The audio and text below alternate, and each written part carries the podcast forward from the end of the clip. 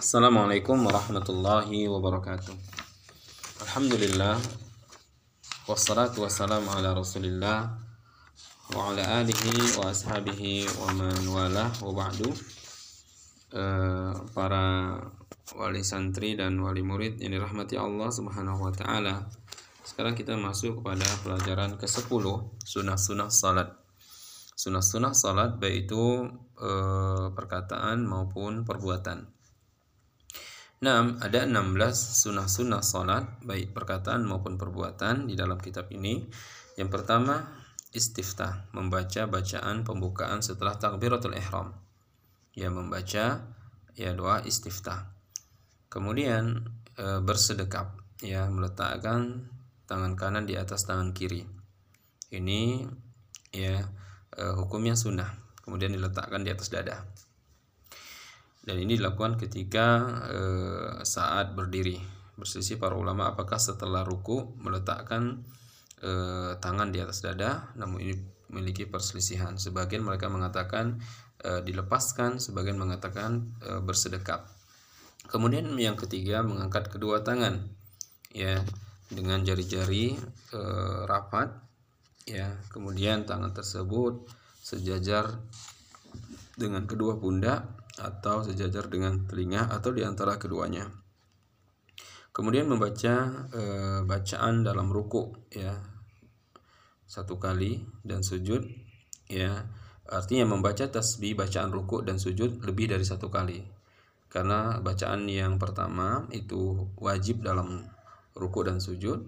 Adapun bacaan kedua dan tiga hukumnya sunnah. Kemudian ya membaca lanjutan dari bacaan Rabbana walakal hamd ya dia baca Rabbana walakal hamd hamdan katsiran thayyiban mubarakan fi contohnya atau disambung dengan kalimat mil as-samawati wa mil al-ard.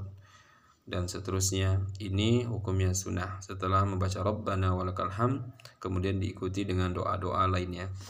Kemudian ya mengupayakan agar kepala selurus dengan punggung. Ya pada saat ruku ya mengupayakan kepala yakni sejajar atau lurus eh, dengan punggungnya. Kemudian mengupayakan agar kedua lengan berjauhan dengan kedua pinggang.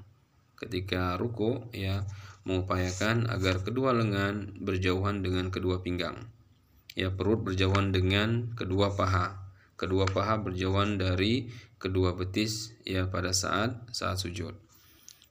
Kemudian mengangkat kedua hasta, yakni kedua siku dari tempat sujud ketika sujud. Jadi ketika sujud, siku tidak menempel ke lantai. Ya, maka angkat ya siku tersebut agar tidak menempel di lantai. Kemudian yang kesembilan, duduk di di atas telapak kaki kiri, ya, telapak kaki kiri yang dibaringkan dan menegakkan telapak kaki kanan ketika tasyahud awal. Dan ketiga, duduk antara dua sujud. Saya ulangi, duduk di atas telapak kaki kiri yang dibaringkan dan menegakkan telapak kaki kanan ketika tasyahud awal dan ketika duduk di antara dua sujud. Kemudian duduk tawarruk ya pada tasyahud akhir pada salat rubaiyah pada salat yang jumlahnya empat rakaat dan sulasiyah ya salat yang jumlahnya tiga rakaat. Bagaimana cara duduk ini? Duduk di atas pinggul dan meletakkan kaki kiri di bawah kaki kanan. Sedang telapak kaki kanan ditegakkan. Saya ulangi. Duduk tawaru adalah duduk di atas pinggul dan meletakkan kaki kiri di bawah kaki kanan. Sedang telapak kaki kanan ditegakkan. Kemudian yang ke-11 berisyarat ber ini isyarat isyarat telunjuk ketika tasyahud baik tasyahud awal maupun tasyahud akhir. Kemudian membaca salawat ya tabrik doa memohon berkah ya untuk Nabi Shallallahu Alaihi Wasallam dan keluarga beliau untuk Nabi Ibrahim dan keluarga beliau ya di pada tasyahud awal. Kemudian membaca doa pada tasyahud akhir ya berdoa meminta agar berlindung dari dajjal, fitnah kubur, ya adab neraka dan lainnya. Kemudian membaca dengan suara keras pada sholat subuh, ya sholat Jumat, sholat dua hari raya, dan sholat-sholat yang mana yakni boleh dijaharkan di disyariatkan untuk dijaharkan seperti sholat maghrib, sholat isya. Kemudian disunahkan membaca dengan suara pelan pada sholat zuhur, asar. Kemudian rakaat ketiga pada sholat maghrib dan dua rakaat terakhir pada sholat isya. Ini disunahkan untuk ya dipelankan suaranya.